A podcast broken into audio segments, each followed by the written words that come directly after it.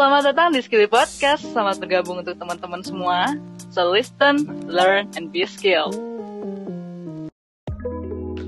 Intuitive eating itu adalah metode non diet dengan cara memberikan sinyal untuk tubuh. Hmm. Nah, pada dasarnya tubuh kita ini pasti memberikan sinyal ke otak Hmm. ketika merasakan sesuatu. Hmm. Misalnya kalau lagi galau atau terus nangis, udah otomatis banget itu sih kalau buat aku ya.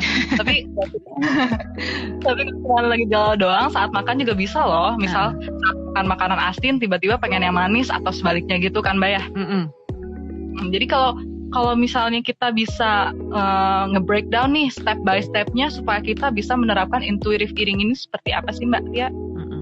Um, jadi aku mau jelasin dulu bahwa kita semua ini manusia terlahir sebagai intuitive eater. So this is not some new method atau new apa ya, new diet craze gitu. No, it's not. We are all we've always been intuitive eater sejak kita lahir. Coba kamu ingat waktu kamu masih kecil atau kalau ngelihat sekarang lihat anak kecil atau lihat bayi, kalau lagi sedih atau lagi nangis dikasih apa sama ibunya? Dikasih permen, dikasih cookies supaya diem kan? Kita dulu juga begitu kan? So we always going to associate makanan dengan comfort. Makanan itu nggak cuma untuk nourish our body, nggak cuma untuk uh, bikin kita kenyang. Itu juga bisa membuat kita merasa aman atau merasa kalau lagi bosan jadi something to do atau kalau lagi stress we feel like food will make us feel better. Dan itu bukan sesuatu yang salah. Nah inilah terkadang diet culture bikin kita ngerasa bersalah kalau aduh gue lagi lagi diputusin pacar gue nih terus gue pengen makan es krim. Oh I'm a bad person. No it is normal kalau kita sedih we will always turn to food. Karena itulah culture kita dari kecil emang makanan sama dengan comfort oke? So nomor satu jangan think that food is a bad thing to comfort yourself. Um, itu dulu di gitu juga ya itu tadi. Kita give ourselves permission to eat all the food. Jangan sampai ngerasa ada makanan yang baik atau makanan yang buruk gitu. Udah gitu hunger and fullness signals kita harus selalu mikir uh, ah, ini gue beneran lapar nggak nih? Ini gue beneran udah kenyang belum? Nah itu gimana caranya? Itu dengan praktis gitu. Jadi jangan begitu per, begitu perutnya uh, minta diisi ya udah kita makan gitu loh. Jadi jangan tunggu-tunggu jangan uh, melihat uh, jam atau mungkin mikir ini gue belum boleh makan nih atau ini udah kemalaman jam segini ntar makan gendut. Don't do that if you are hungry then eat it gitu.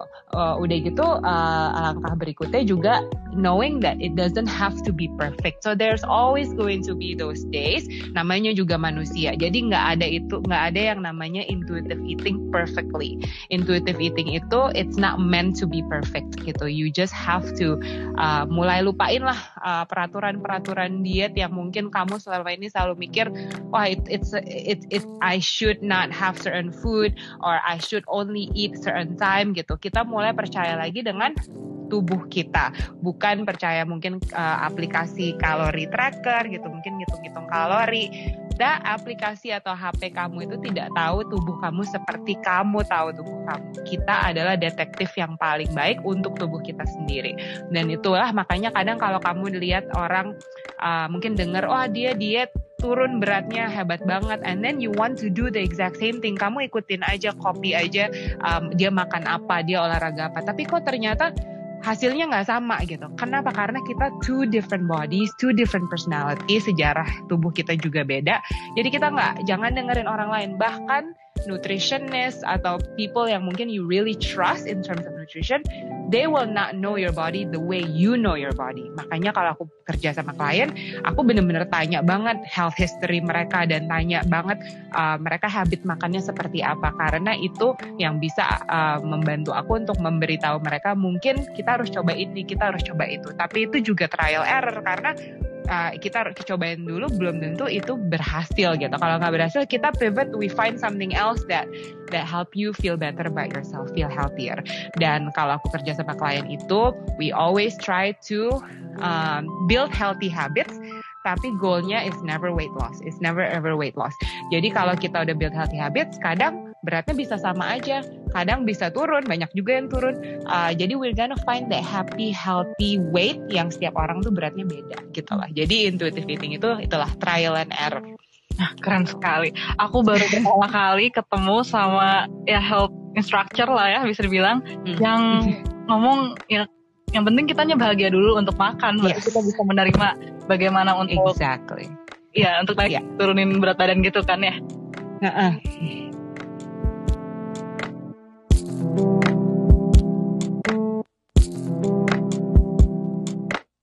Listen, learn, and be skilled.